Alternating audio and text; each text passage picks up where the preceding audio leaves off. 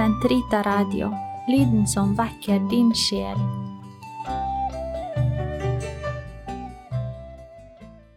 Kroppens teologi, en kommentar til pave Johannes Paul 2.s onsdagskatekeser av Eirik Ambrosius Stenhoff. Totus tuus ego sum, et omnia mea tua sunt, Archipio te in mea omnia, prebe mi cor tum Maria. Episode 14 Avholdenhet for himmelrikets skyld. Katekesene 73–86 Del 1 Bare de som er det gitt. Jesu ord om jomfruelighet. Katekesene 73–74 Etter at Jesus har blitt utfordret av fariseerne om ekteskap og muligheten for skilsmisse i Matteus kapittel 19, hvor han viser til skapelsen til begynnelsen, sier disiplene til ham. Er det slik mellom mann og kvinne, er det bedre ikke å gifte seg. Til dette svarer Jesus, dette er noe ikke alle kan ta til seg, men bare de som er det gitt. For det finnes noen som lever ugift fordi de er født uskikket til ekteskap, andre fordi mennesker har gjort dem uskikket til det. Men det er også noen som selv har gjort seg uskikket til ekteskap for himmelrikets skyld. Den som kan, la ham ta det til seg. I denne episoden skal vi se på hvordan vi kan forstå avholdenhet, altså eh, jomfruelighet eller sølibat, for himmelrikets skyld. Å leve et såkalt gudviet liv, uten å gifte seg og stifte familie, har alltid vært en privilegert livsform i den kristne tradisjonen. I den latinske kirke er ikke bare ordensfolk, munker og nonner, gudviet på denne måten. Også sekulærprestene, menighetsprestene, avlegger løftet om sølibat for å kunne tjene Kristus gjennom kirken. I tillegg kommer de lekfolk som er kalt til gudviet liv gjennom kirkens ulike sekularinstitutter og den jomfruelige orden. De ulike formene for gudviet liv står beskrevet i Den katolske kirkes katekisme, paragrafene 914 til 933. Johannes Paul 2. gir i denne delen av onsdagskatekesene en teologisk begrunnelse for gudviet liv, basert på Jesu ord om oppstandelsen i Matteus 22 og hans ord om å gjøre seg uskikket til ekteskap i Matteus 19. Den norske 1978-oversettelsen som ble sitert, gir et kanskje uheldig inntrykk her, men den fanger samtidig opp noe av sammenhengen mellom ekteskap og jomfruelighet. Vi leste altså om at det er noen som lever ugift fordi de er født uskikket til ekteskap, osv. Født uskikket. Ordet som brukes i den senere 2011-oversettelsen, er evnuk, som altså er i originalteksten. Og en evnuk var som bibelkyndige lyttere vil allerede vite. En evnuk var en kastrert mann som i mange av antikkens kulturer gjorde tjeneste ved hoffet, nærmere bestemt ved hoffkvinnenes sovekamre. Ordet er gresk og er sammensatt av ordene eune, som betyr seng, og echo, å holde vakt. Jesus anvender dette ordet som en metafor, eh, uten å på noe vis å gi sin tilslutning til kastreringspraksisen. Det var for øvrig også eh, forbudt i henhold til Moseloven. Han bruker denne metaforen for å beskrive de som lever frivillig avholdende uten å gifte seg. Jesu ord til sadukerende oppstandelsen hvor mennesket verken vil gifte seg eller tas til ekte, forteller oss at livet i den kommende verden er et liv hvor vi ikke er gift, uten ekteskap. Skal vi dermed forstå disse ordene slik at et sånt liv bare er forbeholdt den kommende verden? I forrige episode etablerte vi at det er en forbindelse mellom livet i den kommende verden og livet her og nå. Eskatologien, altså endetidslæren og den kommende verden, bidrar til å belyse selve hensikten med våre liv. I samtalen med disiplene i Matteus 19 sier Jesus noe mer om de som ikke gifter seg. Han sier ikke at det ikke er verdt strevet å gifte seg, selv om det er et krevende kall. Han sier i stedet at det er noen mennesker som er gitt et kall til ugift, gudviet liv. La oss se noe mer inngående på pavens utlegning av denne teksten. Nok en gang kommer Jesus med et nokså overraskende, for ikke å si overrumplende svar på et i sammenhengen egentlig nokså opplagt spørsmål. Disiplene ønsker å vite, like etter det Jesus har sagt til fariseerne om ekteskapets ukrenkelighet og verdighet, om det i det hele tatt er noe poeng å gifte seg, om det koster mer enn det smaker, så å si. Men Jesus går ikke direkte inn på deres spørsmål eller deres premiss. Til dels fordi han ikke ønsker, som paven sier, å stille ekteskapet i et motsetningsforhold til gudviet liv. Han ønsker ikke å nedvurdere ekteskapet. I stedet viser han til et mer fundamentalt prinsipp, nemlig at noen mennesker er kalt til et slikt liv, og han sier dette er noe ikke alle kan ta til seg, men bare de som er det gitt. De som er kalt til å vie livet sitt til Gud, gjør det nettopp ikke på grunn av en negativ vurdering av ekteskapet, men fordi det er gitt dem som et særskilt kall. I en fotnote siterer paven fra konsildokumentet om kirken, Lumen Gentium, et avsnitt om gudviet liv. Sitat Kirkens hellighet fremmes også på en egen måte av de mangfoldige råd som Herren i evangeliet fremlegger for disiplene til etterfølgelse.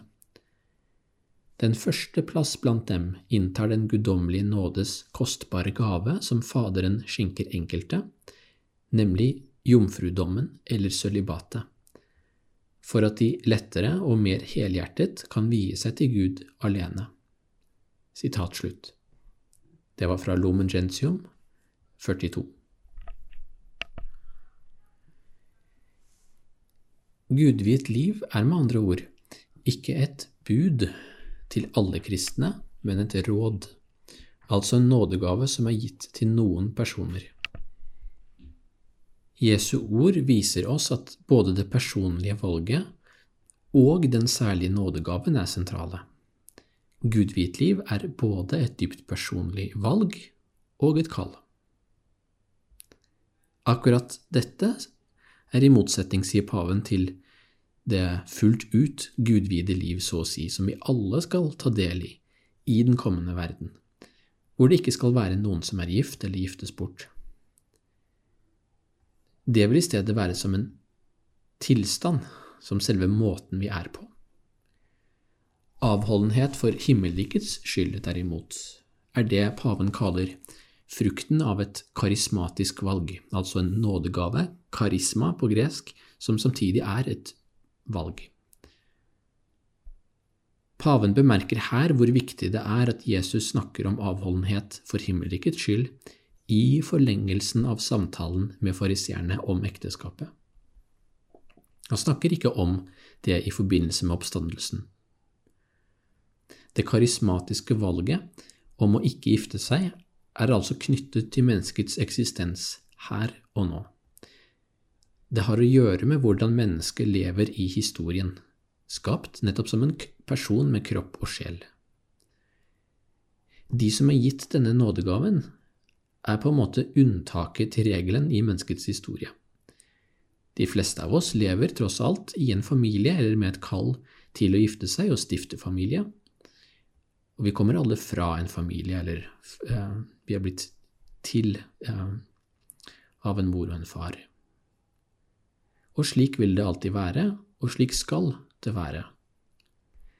Men jomfruelighet eller sølibat som et eskatologisk tegn, altså som et, et tegn som peker på den kommende verden, er en nådegave som gis noen mennesker, uten at det dermed betyr at ekteskapet er noe negativt eller mindreverdig.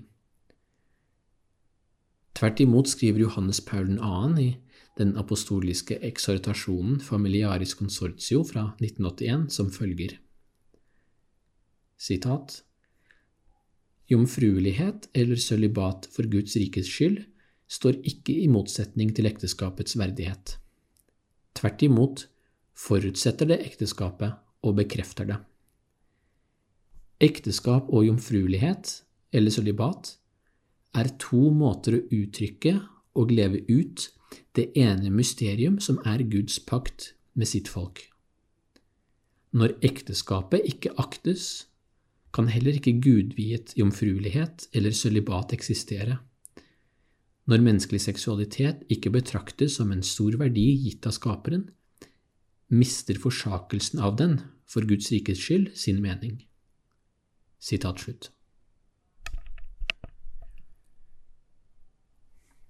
Ordene fra Familiaris Consortio setter ekteskapelig og gudviet eh, liv i sammenheng, og peker samtidig på et stadig mer fremtredende problem i vår kultur, som onsdagskatekesene til dels har som formål å komme til rette med. I vår situasjon, altså 40 år etter både katekesene og Familiaris Consortio, befinner både ekteskapet og selvsagt enhver tanke om gudviet liv seg i dyp, dyp krise.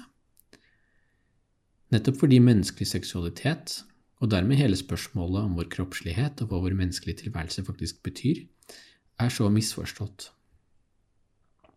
Vår kultur forstår kanskje ikke så mye av sølibatet, men forstår neimen ikke så mye av ekteskapet heller, og der befinner vi oss.